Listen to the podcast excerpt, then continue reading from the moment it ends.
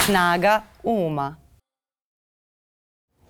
Dobar dan dragi ljudi, dobrodošli u podcast Snaga Uma, ja sam Miljana, a ovdje iz ponedjeljka u ponedjeljak imam tu privilegiju da vodim razgovore kroz razumevanje, razgovore eh, iz kojih svi zajedno možemo da učimo iz naših zajedničkih iskustava, ali i da razmenjujemo ideje o tome kako u ovom vremenu očuvati i jačati ono što se zove mentalna snaga.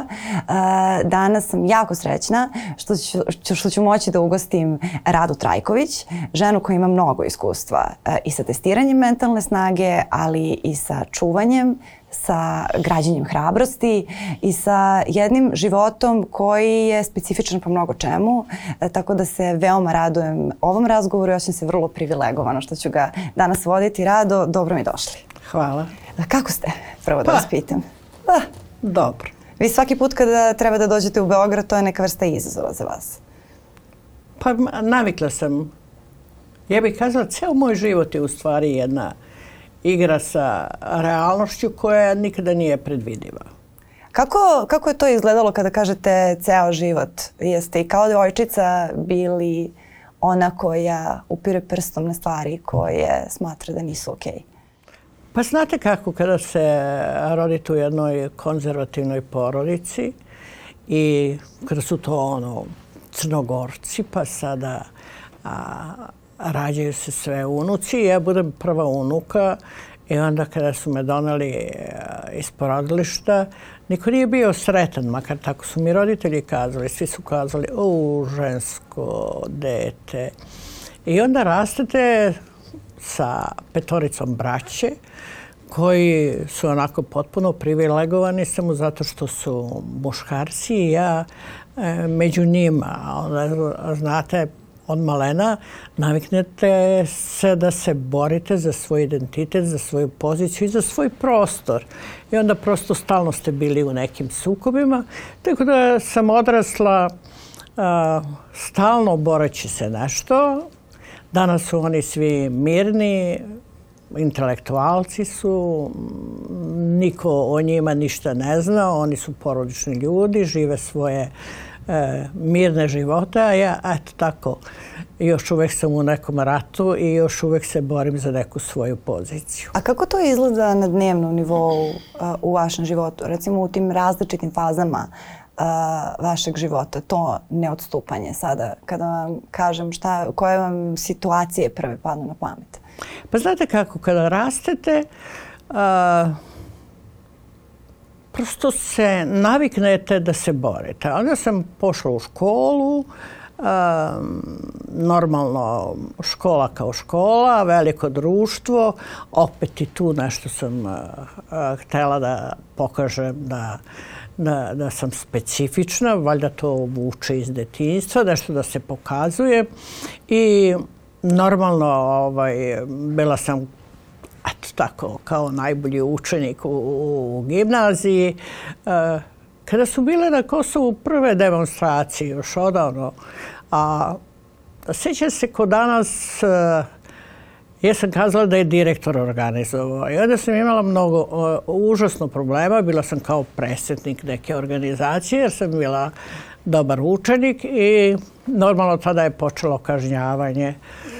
Volala sam svojim drugovima u školu da šapućem, da ispod žita im pomažem da dobiju bolju ocenu. Bila sam omiljena među svojim drugovima i tako je bilo. Znate, onda polako rastete, živite u nekom podujevu koji je negdje granično granično, sada na administrativnoj liniji. Bili su neka teška vremena, bilo je dosta stradanja mojih sunarodnika i onda stalno primate te impulse tih porodica i onda počinjete polako da se bunite i da se borite za, sve te ljude. Nakon toga završavam gimnaziju, odlazim, upisujem fakultet i oni, kada sam došla, oni kažu, o, mora, upisuje se četiri prema jedan, tada je bila ona e, vreme komunizma i bile su neke brojke, znate. E, četiri Albanca se primaju i jedan Srbin da bi se e, intelektualni kapacitet povećao na Kosovo u smislu edukacije i obrazovanja mladih Albanaca jer su u nekom periodu bili ispod nečega što je e, otprilike potreba tog stanovništva za intelektualcima. E, Normalno mogućete biti najbolji učenik. Ako niste ušli u ono 4.1, onda niste mogli da upišete fakultet. Tako da sam ja imala sreću jer sam bila izuzetno, izuzetno jak učenik. Ušla sam među tih 4 prema 1, završila sam medicinu, došla sam da se zaposlim, već su se te kvote promenile, već su bile ono brojke, znate, kada vam kažu e, sada broj stanovnika raste, pada i onda je bilo 10 prema 1 na mojoj klinici o Torini. konkurisala sam, a primili su dvoje Srba jer je bilo dvadeset već kolega Albanaca i onda sam počela da radi. Normalno, kada sam došla isto tako na kliniku, obično žene su se bavile nekim ženskim delom, a te specijalizacije. Međutim, ja sam zavolila, možda zato što su me odmah poslali na onkologiju, operacijama grla grkljana ili, onkologije ili karcinomima laringsa, kako god hoćete. I ja sam to prosto zavolila.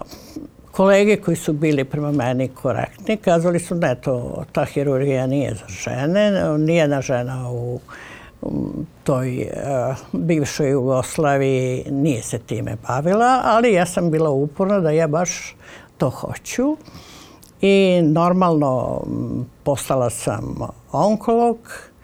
Jedina žena koja je radila onkologiju u Srbiji bila je jedna moja koleginica u Beogradu, ona mi je kazala ja sam to samo jednom uradila i to je toliko krvi skidati grkljan, to je za mene bilo užasno ali završila sam tu onkologiju. Normalno, umeđu vremenu sam se udala jako rano, kao udata sam studirala, kao udata sam magistrirala, specijalizirala, doktorirala i na kraju kada sam završila, kada sam postala profesor na fakultetu, ja sam već uveliko imala troje dece, tako da ceo život mi je protekao u nekoj borbi sa stvarima koje su bile teške i koje nekako nisu bile karakteristika žena.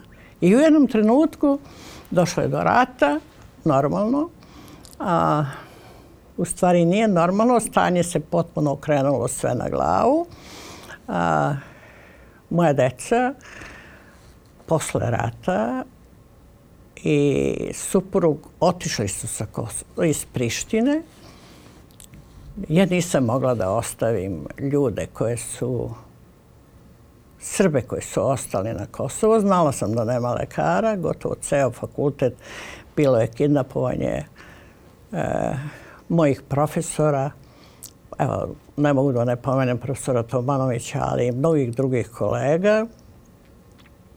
I to je bilo jedno vrlo vrlo teško vreme. Ali ja sam napravila jednu odluku koja suštinski mi je potpuno promenila život. Znate, u patrihalnoj sredini da ostavite decu za koje ste bili užasno vezani, jer ja malo spadam u majke koja je bila vrlo posesivna.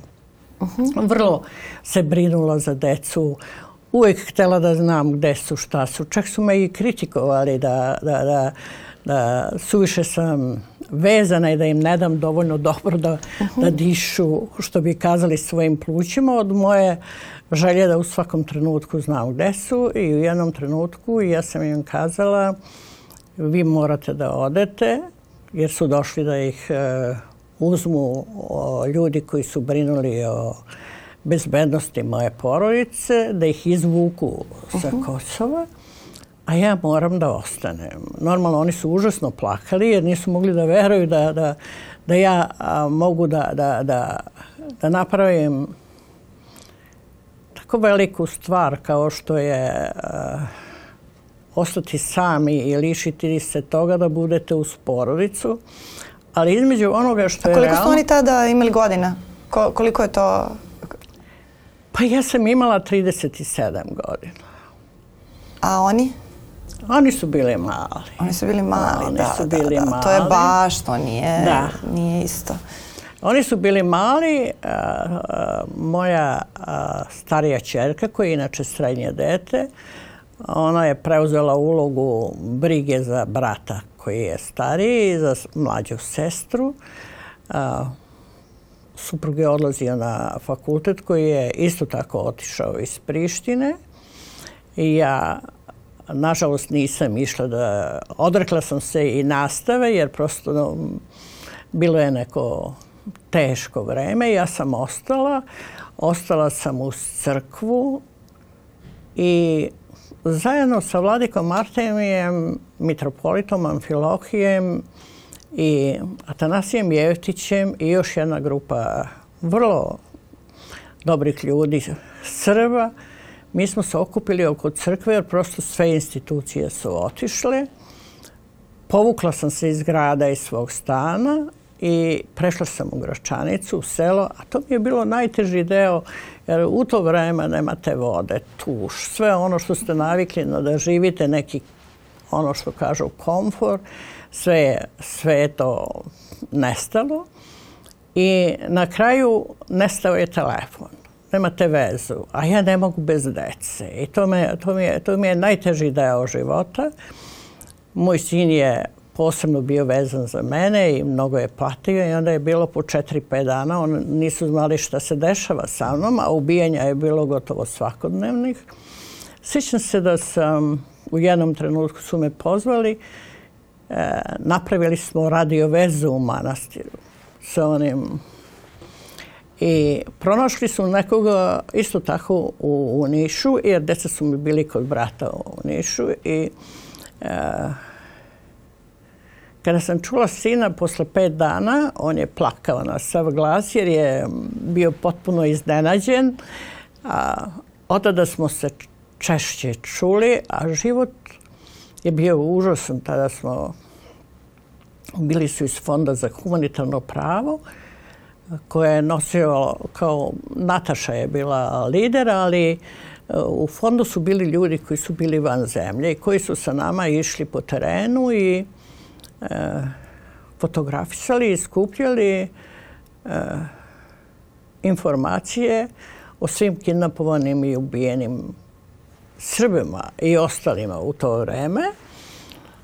Tako da sam se nagledala ono što kažu baš velikih, velikog stradanja, a paralelno sa tim išla je užasna hajka ovdje u Beogradu oko mene kao eto ja sam ostala nešto da pomažem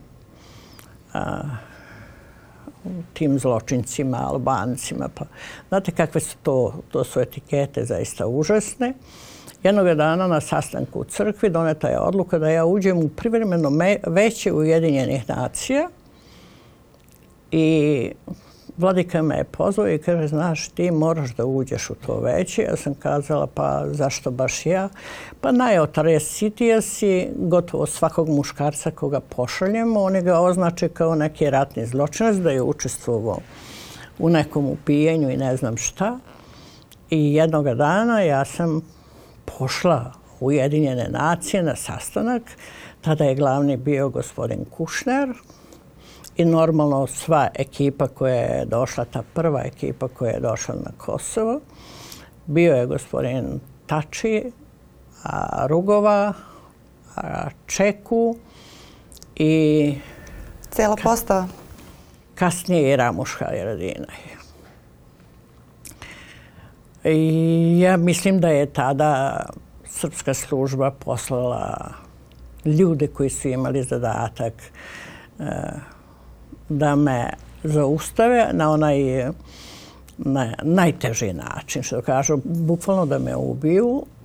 I samo sam vidjela onda gdje sam u selo stanovala da je bilo toliko snaga kejfora. To je bilo preko, preko 50 ljudi koji je u krugu oko zgrade gdje sam živjela. Kada sam izašla, to je sve bilo, znate, na Gotovsk sa oružjem, Ubacili su me u jednu blindu i odvezili su me u prišti.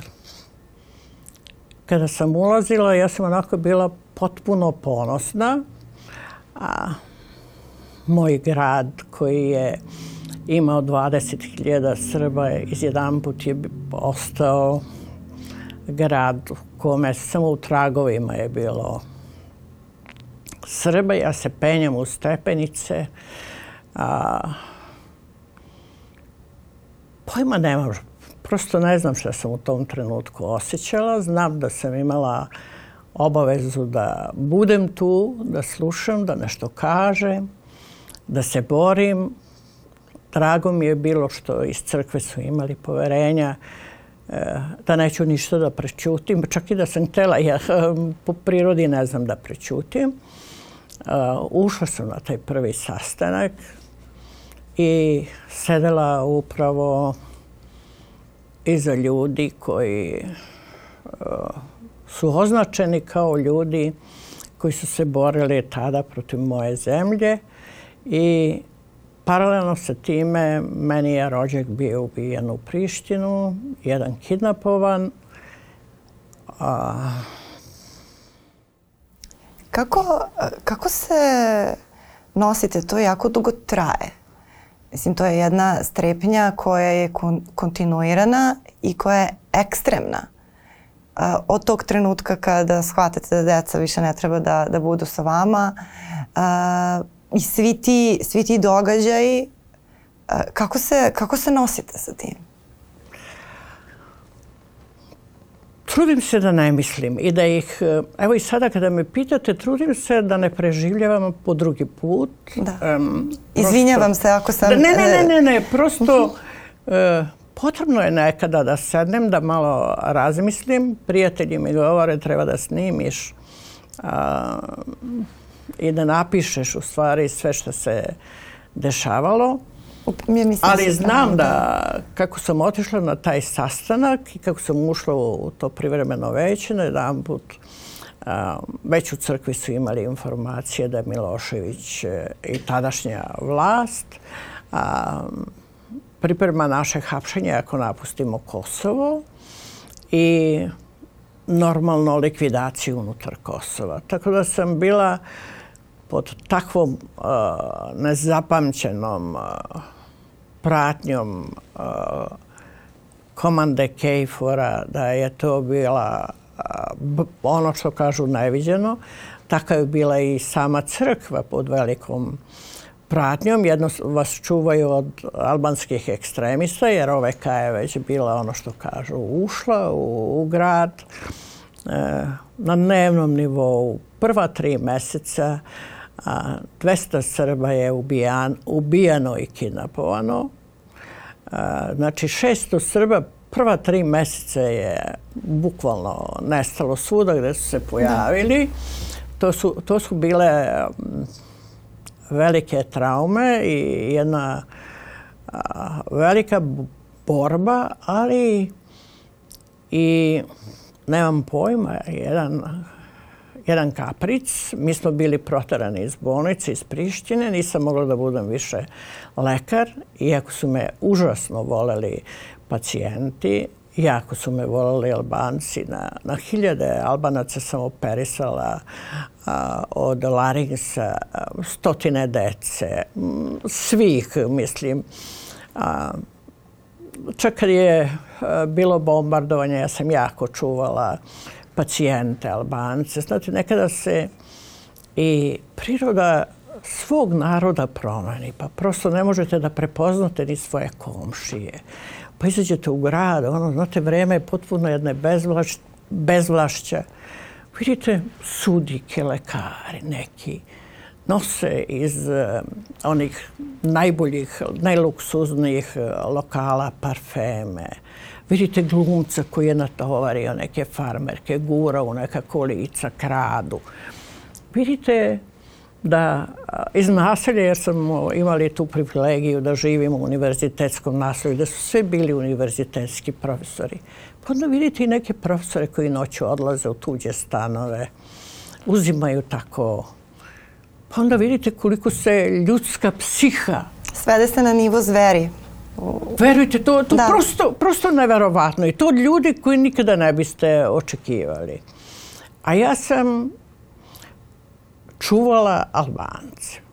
Najtužniju sliku sam vidjela dvoje male dece, bile je Stavili su svog dedu u limena ona kolica koja se vuku i e, kada su praznili grad, stavili su dedu i oni onako mali pa se menjaju trče da bi negdje stigli da, da ga ne bi ostavili. Tako da su mi to neke traume.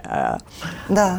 I onda sam shvatila da je najveća, najveći kvalitet čoveka da u neko vrijeme kada možete da radite šta god hoćete i da zato nikome ne odgovarate, sačuvate sebe od samog sebe. Znate koji je to kvalitet kada uspete da budete čovek prema svim ljudima, da imate empatije za bilo kog čoveka koji pati i da vam bude teško kada gledate ljude koji, se maltretiraju, a ne smete da im priđete da im pomognete, osim krijući, da, im pomažete. Tako pacijentima u bolnici uzmem pak kupim hleba 2-3 kilograma, napravim sendviče i nekim Albancima nosim i stavljam u, njihove natkazne. Mhm. Jer imate onda neke ljude koji postaju e, mnogo veći Srbi nego kao to je trenutak, pa ajde da se pokažem, pa da im ne dam da jedu, pa ajde da se pokažem, pa ne znam šta. Pa onda gledam kolegu, pa je postao neki ministar zdravlja u Anđelkovićevoj vladi. I vidite, dođete na kliniku, ono, aparatura, lekovi, puni hodnici. Ja kažem, odakle ovo? On dotura iz nekih, potpuno znam da je to iz albanskih tih ambulanti privatnih apoteka. I osjetite se užasno, jer haos jedan, potpuni haos. I onda prođe to vreme, potpiše se Kumanovski sporazum, moji odlaze, onda imate odmazdu druge vrste. Imate Albanci koji dolaze, ubijaju sve što stignu, kradu i otimaju sve što stignu, ulaze u kuće i stanove Srba. Onda zajedno sa gospodinom Momom Trajkovićem je i pokojnim Čike Duletom Ristićem, stari udbaš je bio koji je ostao sa nama i veliki pokrajinski, dugogodišnji pokrajinski funkcioner. I onda idemo po gradu, donosimo neke pakete jer smo imali neke ID kartice i neku pratnju da hranimo Srbe po zgradama da im nosimo da jedu jer oni ne smeju da izađu iz tih i iz tih zgrada i sjećam se od vrata do vrata, pa zateknete starije žene koje su pretučene, neke silovane. Tako da, užasne stvari preživite, a onda polako počnete, prasni se gračanice, a onda vi pokušavate da zadržite e, narod, da mu omogućite nekako da žive, samo sa međunarodnom zajednicom ste to mogli.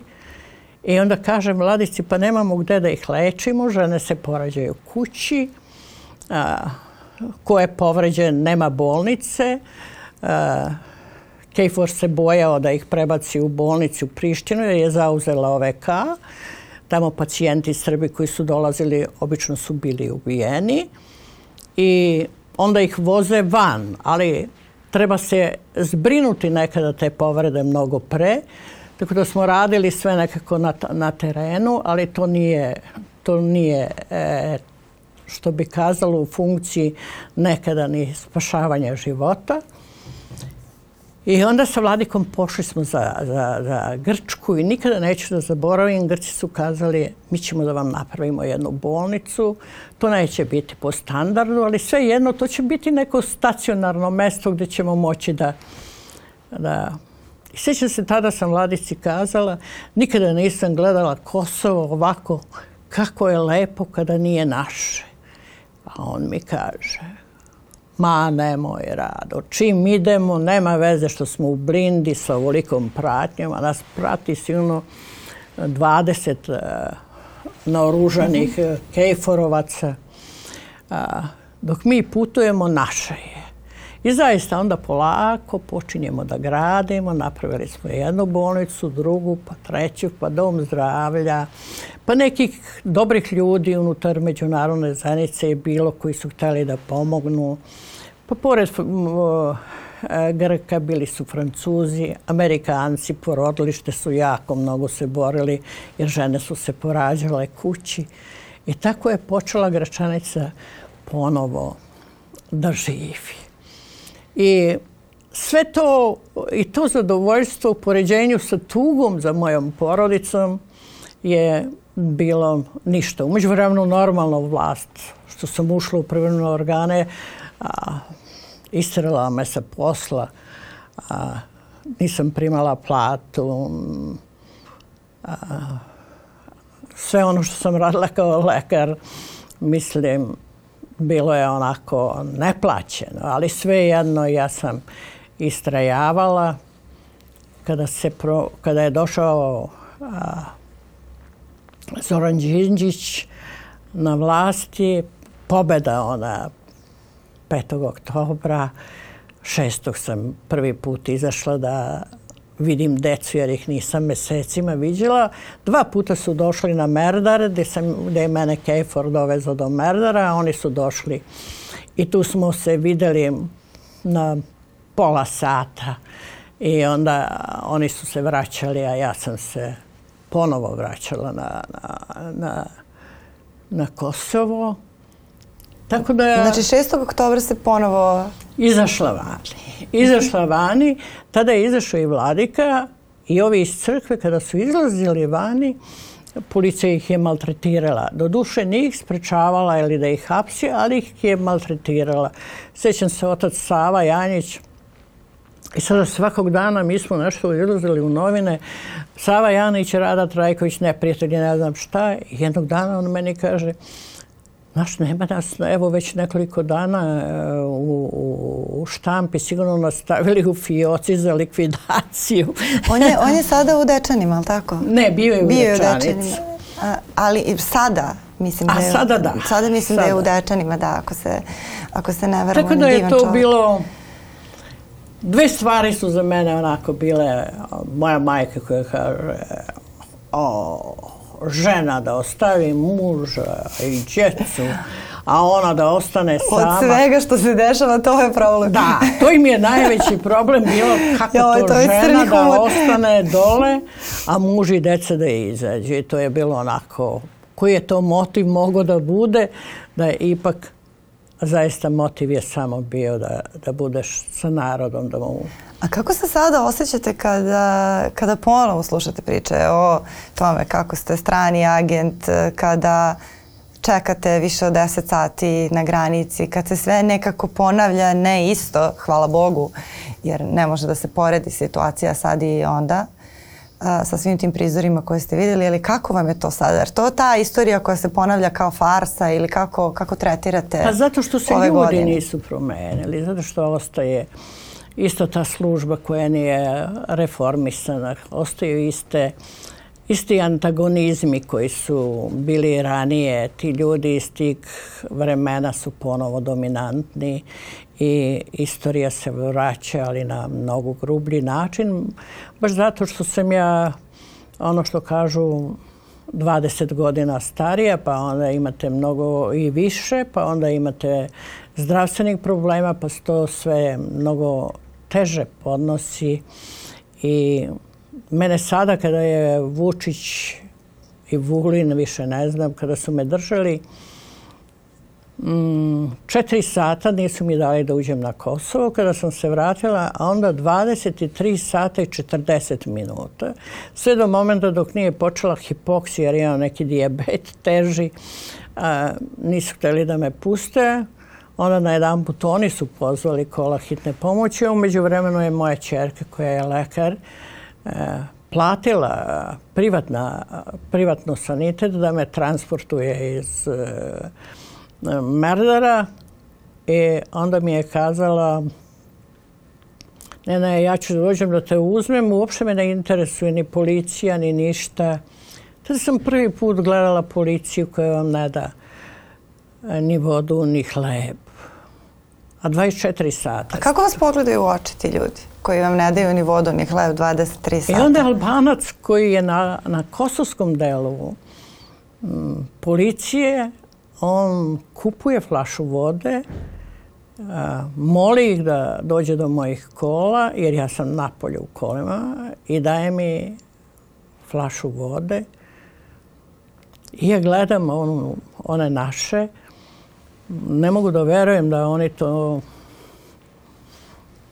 ne bi uradili, nego prosto ne smeju jer tu je posle četiri sata oni nemaju prava više da me drže. Onda se pojavio jedan momak koji je kazao ja sam bija. I da li se oni plaša od bije ili bija od njih, tek je, ne znam, ni jedni ni drugi nisu htjeli ni toliko empatije da imaju da kažu i brava žena 24 sata sedi ovdje, ni vodu, ni ništa. U trenutku sam im kazala pa dobro su uradili Albanci i međunarodna što vas je izbacila sa Kosova da dana dušom, više ste surovi i čutali su, nisu ništa govorili.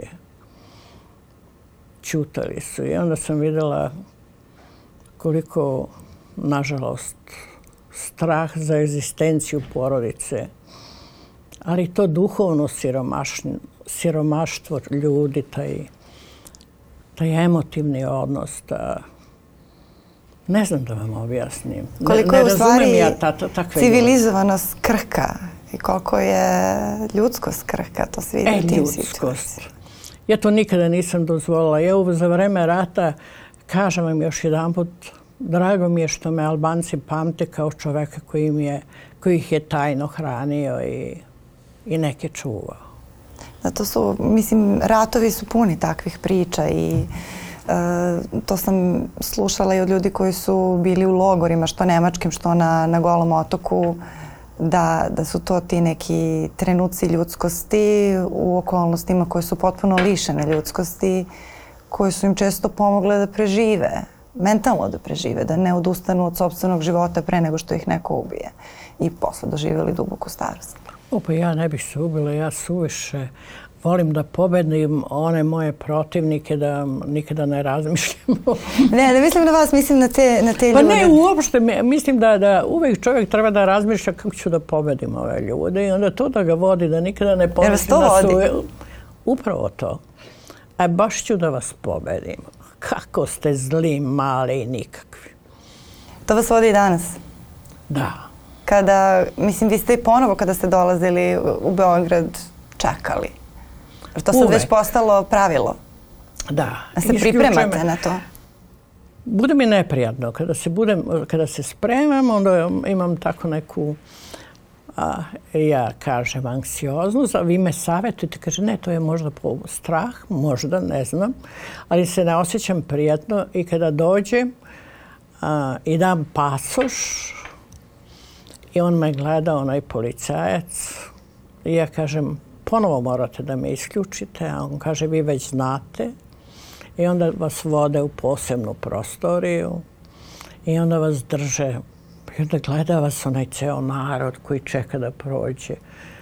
I ja kao neki profesor univerzitetski, majka, već ozbiljno, u vrlo ozbiljnim godinama gledate, kažeš šta je ovom narodu, da li su normalni ovi ljudi.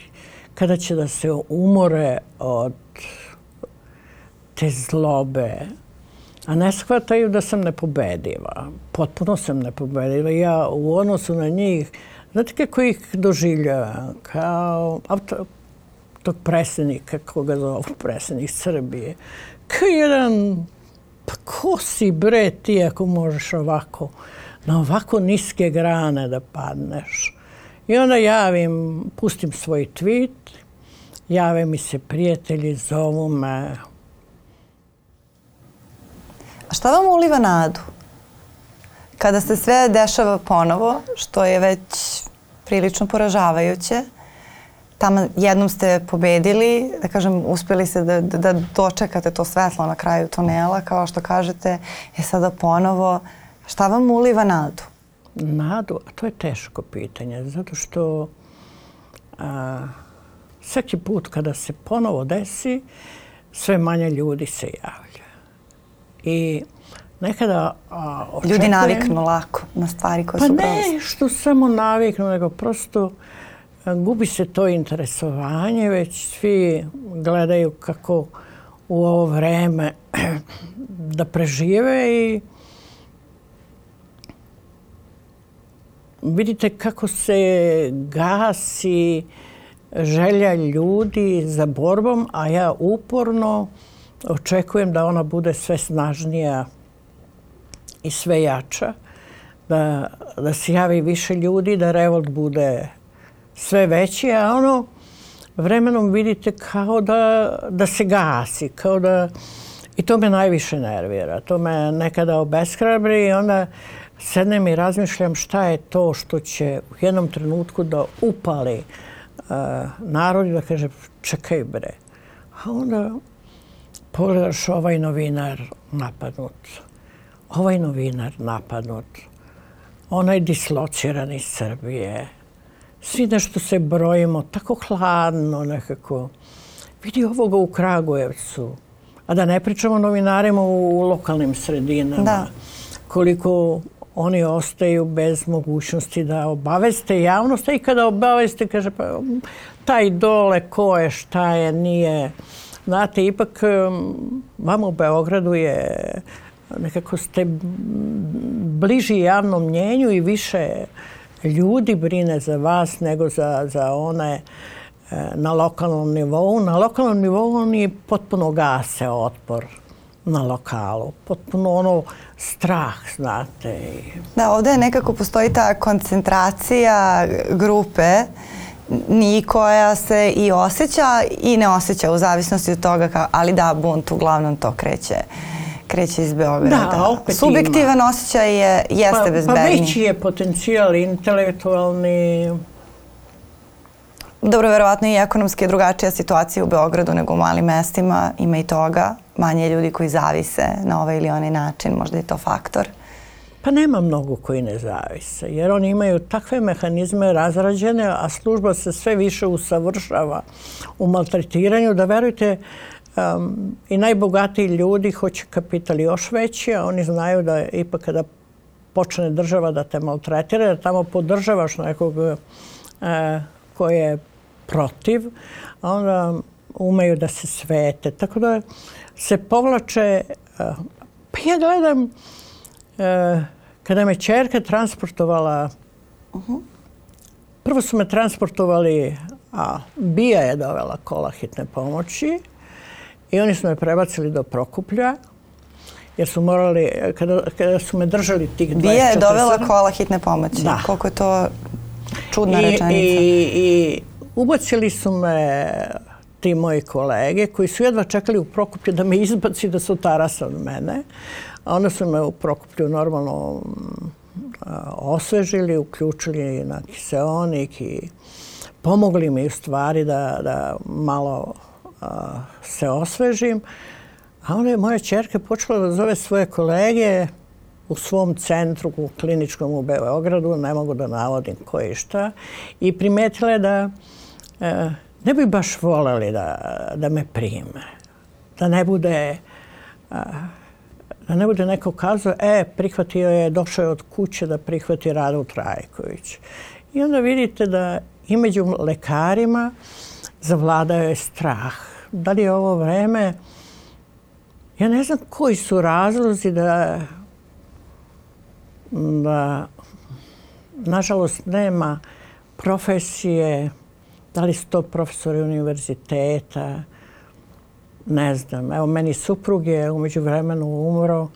Njegovi kolegi, iako je bio jedan od osnivača fakulteta medicinskog u Prištini kada se otvaro i bio višegodišnji e, asistent pa profesor pa e, e, gotovo niko nije došao na sahranu. Njegov medicinski fakultet koji je podigao nije mu dao nije umrlicu moja čerka. sad preskačem su teme na temu. Ne preskačete, ovo je sve tema. To je baš to. To je taj način razmišljanja. On je imao neku svoju harmoniku i onda je čula da um, Novo Brdo, selo kod, um, sad je opština kod uh, Gračanice, neka deca vole da sviraju harmoniku i ona je kazala ja bih tatinu harmoniku poklonila njima i normalno mi smo poneli toj deci u toj školi harmoniku i profesor muzičkog bio je vrlo zahvalan. Oni su dali zahvalnicu, ali u to lokalnu novinu jedinstveni stel da napišu ni da je to moj suprug, ni za njega čak da je profesor univerziteta, njegova željenja njegova čerka.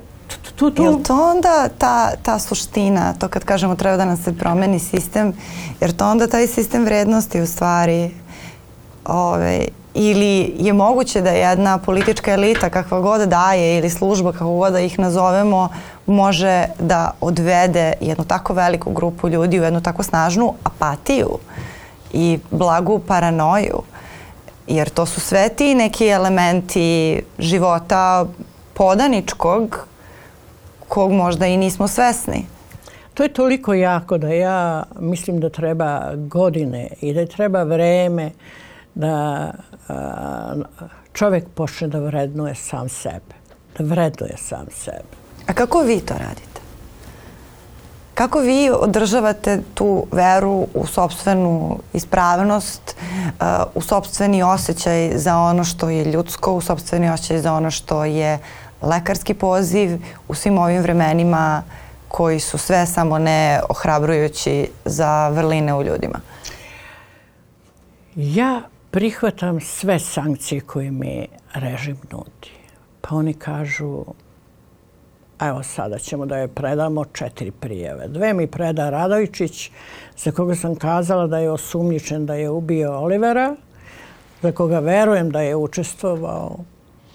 I dve mi preda šef bije za borbu protiv kriminala, koji je inače odličan prijatelj sa Radovićićem i Veselinovićem, isto je sa sa Kosova i onda provedu proces kroz neki krug gdje mene niko ne zove.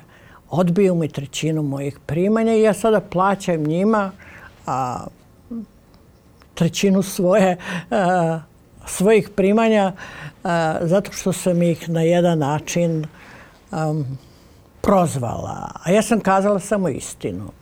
I ja čutim to, prihvatim, prihvatim da ti standard padne Pokušavam da se snađem u tom momentu. Dan kada je ubijen Oliver, kao danas se sećam, pozvali su me da budem gost na Happy televiziji. Tu je sedeo Šešelj, uh, je ovaj, Slavica Đukić-Dejanović, sedeli su svi ovi ljudi koji se i sada pojavljuju, drecu. I ja gledam sve te ljude i u momentu kaže Olivera Ivanović su ubili Srbi, kriminogena organizacija, Radojčić i tu je tajac. Skidam slušalicu sa svog sakoa, bacam je na sto i izlazim iz tog društva tih udbaša koji prave atmosferu da sada neki albanski ekstremisti ne znam šta. I onda počinje takav teror na mene. to, je, to, je, to je bilo prosto neverovatno. Ja dajem intervju danasu. Opet kažem da je najverovatnije Radojčić i da on to ne bi smeo da uradi da nije dobio zelenog svetlo vrha u Beogradu. nije prošlo tri dana, moj sin dobija otkaz i do dana današnjeg ne može da se zaposli. Svi mi trpimo te sankcije. A, mnogi naši prijatelji to znaju. Niko ne pruža ruku da vam pomogne. Svima negdje smeta da mi pomogne jer boje se od vlasti. Ako je to neki biznismen, on se boji da neće da, da dobije dovoljno... Svako ima nešto, da. Da, Hajde gledate svoje kolege, oni su neki lekari, možda negdje neko ih časti nešto. Svi danas nešto cinkare, pa svi se boje neke sitne ucene. Da li je to profesor na univerzitetu, da li su to neka korupcija koja je bukvalno sveopšta. Ona tako razara ljudsko biće. A mene ne mogu da ucene se Sve što mogu neka mi urade. Ja neću da se promenim normalno. Jeste razmišljali kako bi danas izgledala situacija uh, da je Oliver Ivanović živ? Pa ne bi bilo onako kako je sada. Šta konkretno? Na što prvo mislite da ne bi moglo pa, da prođe? Morao je da prosto da bude ubijen, da bi ona integracija koju je radio taj mafijaš Radojčić, koji je zadužen za Srbiju i koga predsjednik Srbije naziva čovekom koji je od presudnog značaja za opstanak Srba na Kosovu, ne bi radio integraciju Srba, nego te procese bi vodio Oliver. A ovakvu integraciju Srba radila je mafija do momenta dok je mogla da crpi profit od te integracije u smislu da koristi te institucije možda za kako kaže američka administracija za transnacionalni kriminal, droga, oružje i sve ono što se dešava. Onog trenutka kada je video da to možda ne može, onda je izvuko sve Srbe iz institucije. Oni su sada van. Zabio ih je negde u rovove na sever Kosova. Napravile su se barikade i Srbi tako nespremni, nezaštićeni na severu čekaju rešenje o statusu Kosova. I onda jednog dana njihov predsjednik, nažalost zvanično predsjednik moje države, odlazi u Brisel i prihvata plan, a u tom planu centralne vlasti Srbije priznaju pravo nacionalnoj zajednici na samopredeljenje. Jer znate, za dobijenje statusa uvijek imate problem iz onoga prava države i prava naroda. On je prihvatio pravo naroda na ocepljenje suštinski je prihvatio da nezavisnost Kosova a da je Oliver radio integraciju, e, ne bi Srbi dočekali i živeli u ovom trenutku sa spremljenim putnim torbama da napustaju sever Kosova. Tako da bojim se da ovaj sporazum rezultirat će nečim što će što pamtimo kao se obu Srba pod Čarnojevićem. Jednom smo pod Vučićem i, tadašnjom vlašću Miloševića napustili posle Kumanovskog sporazuma veliki broj Srba. A sada bojim se da ide nova seoba posle ovog sporazuma i da će narod nestati. Tako da Oliverov odlazak nažalost, je nešto što je pomoglo da se situacija razvija na način na koji se razvija. A, pretpostavljam da i deca vaša vas stalno pitaju dobro dokle, imaš li ti pravo da se odmoriš? Kako vi razmišljate o svom statusu? u nekoj toj budućnosti ukoliko, na primjer, stvari ostanu ona, ovakve ili ako budu nastavile ovim nekim tokom. Koji Moja deca u ovom trenutku razmišljaju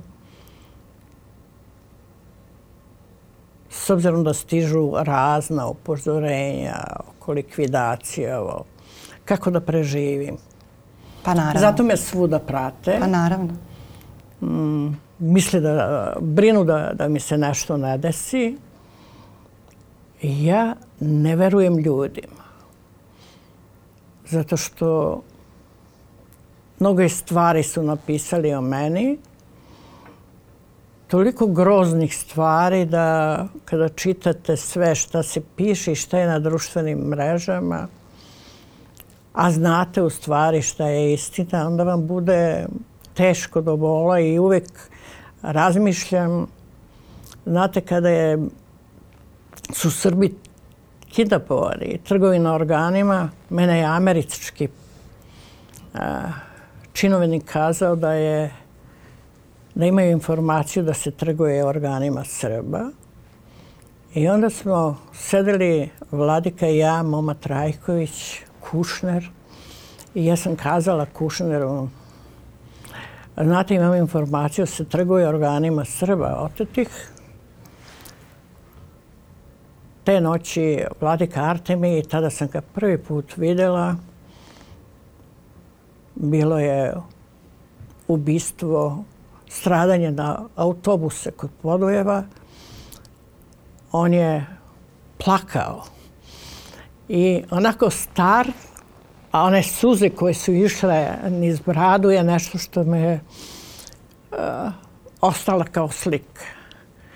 I kada sam ja dodala još ovo, on mi je kazao, nisi mi to kazala, Rado. Ne kažem, htjela sam da vam kažem pred svima i onako... E, vodika je kazao da li da uzmem narod i da odem, ali znali smo ako odemo da se više nikada nećemo vratiti, kao i svi koji su otišli nisu se vratili. Tako i u ovom trenutku kada se donose neke važne odluke, da su neki pametni ljudi dole u koje narod ima poverenja, ne mafija, a, mi bi bili sa narodom i narod bi ostao. Znate, ako imate mafiju koja diktira život na severu, ako imate mafiju koja se razgranala jer joj je trebalo ljudi koji treba da rade na terenu, pa je mnoge mlade ljude uvukla u, te poslove. Iako treba sada da se radi ta integracija severa, ti ljudi koji su rano počeli da dobijaju kriminogene dosije, gdje će oni sada? Ako se Dačić hvali, mi na severu dobili smo šefa policije za sever, a on je pobegao zato što je trebao da bude uhapšen kao osumnjičen za učestvovanje u ubistvu Olivera i za kriminal.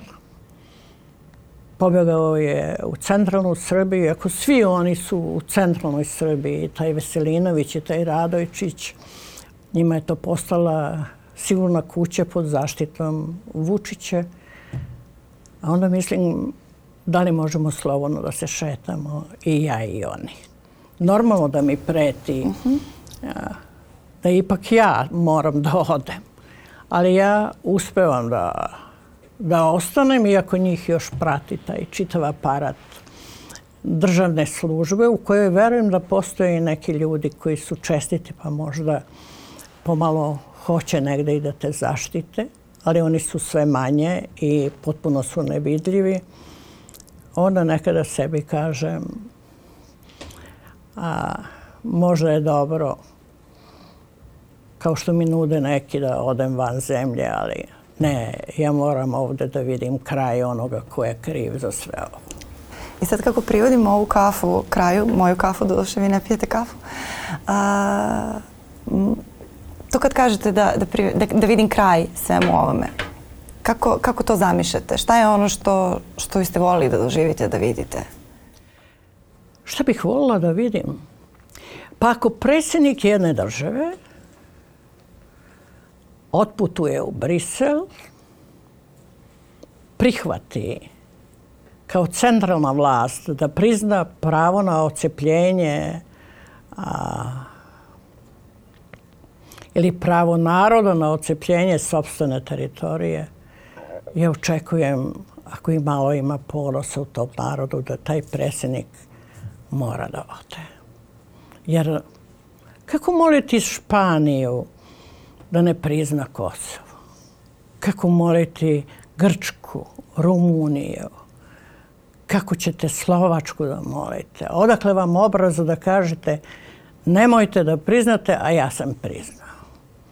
Znate, to su velike stvari za koje moralan čovjek sam bi otišao, a ne bi nudio da pravi sada neku novu stranku sa novom biografijom i novim projektom za Srbiju. A da ne govorim koliko, koliko su orbani nekako prepuni nekih ljudi koji su ubijeni, ono, sudski proces oko Belivuka. Bez obzira ko su ti mladi ljudi koji su ubijeni, da li su oni kriminalci ili ne znam šta, oni su imali prava na normalne procese, ali nisu imali, niko nije imao prava nek na taj način Toliko je oko nas kosti, nesreće, proteljavanja. Ja ne vidim ništa što je, što je nekako, što bi motivisalo ljude da, kaže eh, dobro je. A najvažnije je sloboda. Mislite da imate slobodu. Pa idete gdje hoćete, pa kažete šta hoćete, pa razmišljate. Pa ne, sad imate čovjeka koji će da kaže ovaj će da bude predsjednik, ovaj predsjednik suda, ovaj tužilac, ovaj... ovaj strani agent. strani agent, to, je već redovno za, za ono ko, neće da, mhm. da, stane, jer a onda i narod kaže, pa vidi ova rada se bori, pa stvarno možda je strani agent, možda je stvarno čuvaju neke službe. Tako da samo mrtva bi prestala da budem strani agent a on e, maltretira stranog agenta da pokaže da je jači od svih službi svetskih, jer on može mu se da, radi da radi šta hoće. Ali vidite, u tome vidite bedu jedne, jedne ličnosti. Dobro, da, u tome se vidi i mentalna snaga druge. Pa možda i to. Mnogo vam hvala na ovom razgovoru. Hvala i vama na prilici. Ovaj, nadam se da se, da se vidimo ponovo. Nadam se da ćemo imati drugačije teme, bolje teme i da će biti više nade. Pa nade ja, ja je imam i sad. Pobedit će dobro. Hvala vam mnogo, zaista. A, hvala i vama na vremenoj pažnji. Razgovarali smo danas ovdje sa Radom Trajković. Meni će trebati malo vremena da, da ovaj razgovor upijem zaista. Sve ove informacije, ali i emocije i svu ovu snagu koja je odavde poslata danas. Eh, hvala vam još jednom, mi smo tu i sljedećeg ponedjeljka na Nova RS. Prijetno!